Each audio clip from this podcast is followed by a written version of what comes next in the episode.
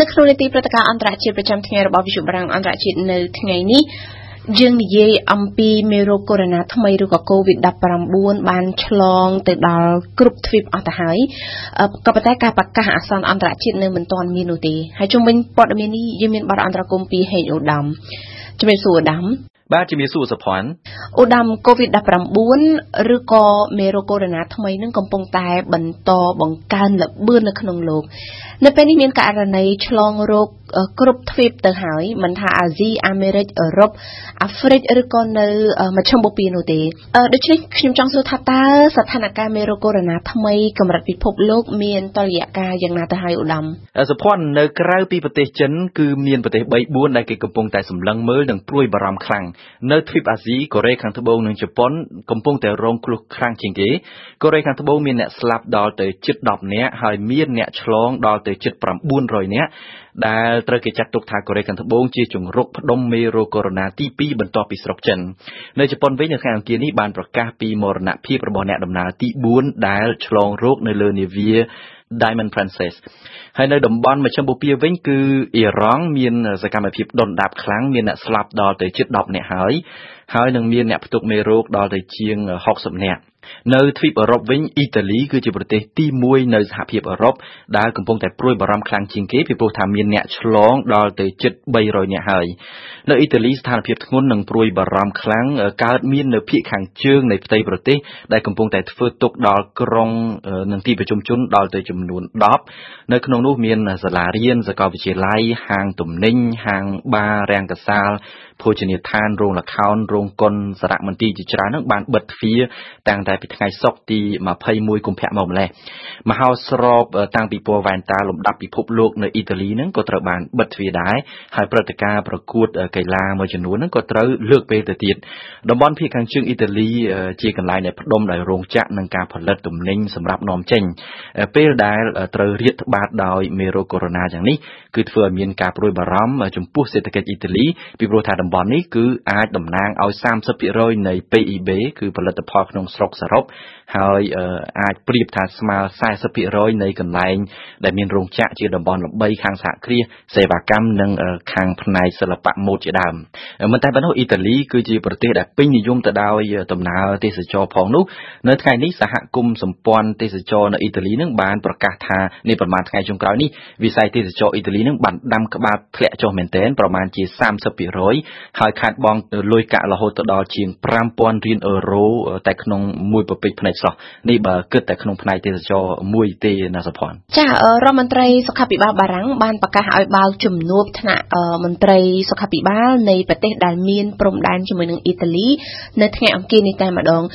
ក៏ប៉ុន្តែអ្នកនយោបាយបារាំងខ្លះថាគួរតែបិទព្រំដែនជាមួយនឹងអ៊ីតាលីផងតើរឿងហ្នឹងយ៉ាងម៉េចទៅវិញទៅឧត្តម សុភ័ណ្ឌការបិទព្រំដែនជាមួយអ៊ីតាលីគឺជារឿងហាក់ដូចជាជ្រុលពេកហើយមិនទាន់ដល់ថ្នាក់នឹងទេនេះគឺជាការបញ្ជាក់របស់រដ្ឋមន្ត្រីសុខាភិបាលបារាំង Olivier Véran នៅវិទ្យុបារាំង RTL នៅព្រឹកមិញនេះជាការពិតអ៊ីតាលីគឺជាប្រទេសដែលជាប់គៀកនឹងប្រទេសបារាំងមែនហើយអ៊ីតាលីជាសមាជិករបស់សហភាពអឺរ៉ុប ដែលមានកិច្ចព្រមព្រៀងដើរហើរចរាចរចរាចរដោយសេរីនៅក្នុងអេតា Schengen រង្វង់26ប្រទេសនៅអឺរ៉ុប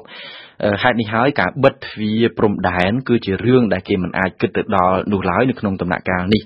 ក៏ប៉ុន្តែនៅចំពោះមុខគេត្រូវប្រមូលផ្ដុំគ្នាពួតដៃគ្នាដោះស្រាយបញ្ហាដ៏អាសន្នធំបែបនេះនៅរសៀលនេះតែម្ដង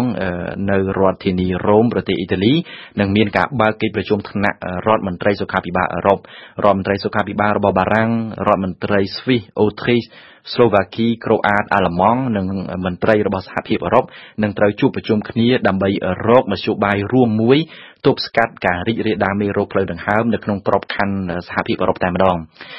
បើសិនជាមានលទ្ធផលយ៉ាងណា ពីវិធានការធ្វើយ៉ាងណានោះចេញពីកិច្ចប្រជុំនេះយើងនឹងជំរាបជូនបន្តទៅទៀតណាសុផាន់ចៅដាមទោះជាយ៉ាងណាក៏ដោយបើទោះបីជាមេរោគកូវីដ -19 ថ្មីនឹងបានឆ្លងហើយនឹងរាលដាលគ្រប់ទ្វីបទាំងអស់ទៅហើយក៏ប៉ុន្តែអង្គការសុខភាពពិភពលោកនៅតែហាក់ដូចជារារែកមិនទាន់ប្រកាសអាសន្នថ្នាក់អន្តរជាតិនៅឡើយទេតើហេតុអ្វីបានជាដូច្នេះចា៎ សុផាន់ជាដំបូងគួរតែបញ្ជាក់ឲ្យច្បាស់ថានាពេលកន្លងមក អង្គការសុខភាពពិភពលោកធ្លាប់បានអះអាងថាមេរោគកូវីដ -19 គំរាមកំហែងខ្លាំងដល់សុខភាពសាធារណៈក្នុងពិភពលោកក៏ប៉ុន្តែពាក្យថាប្រកាសអាសន្ន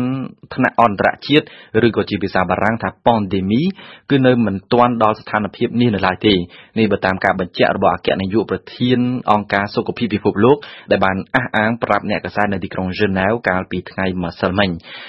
បើតាមហេតុផលអះអាងរបស់ប្រធានអង្គការសុខភាពពិភពលោកការសន្មត់ការវាយតម្លៃថាការរីករាលត្បាតនៃមេរោគកូវីដ -19 នេះ គឺនៅមិនទាន់ស្មើនឹងទំហំដោយករណីជំងឺគ្រុនផ្ដាសាយ H1N1 នៅឡើយទេដូច្នេះនៅក្នុងដំណាក់កាលនេះគេនៅមិនទាន់អាចប្រើពាក្យថា pandemic នៅចំពោះមេរោគ coronavirus នៅឡើយទេ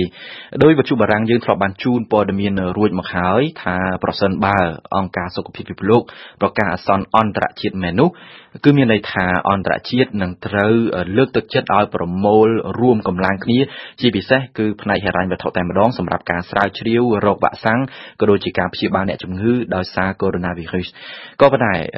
មកទល់នឹងពេលថ្ងៃនេះវិធានការទប់ស្កាត់ឬក៏វិធានការបង្ការហ្នឹងគឺចេញតែពីប្រទេសនីមួយៗតែរៀងៗខ្លួនសិនទេ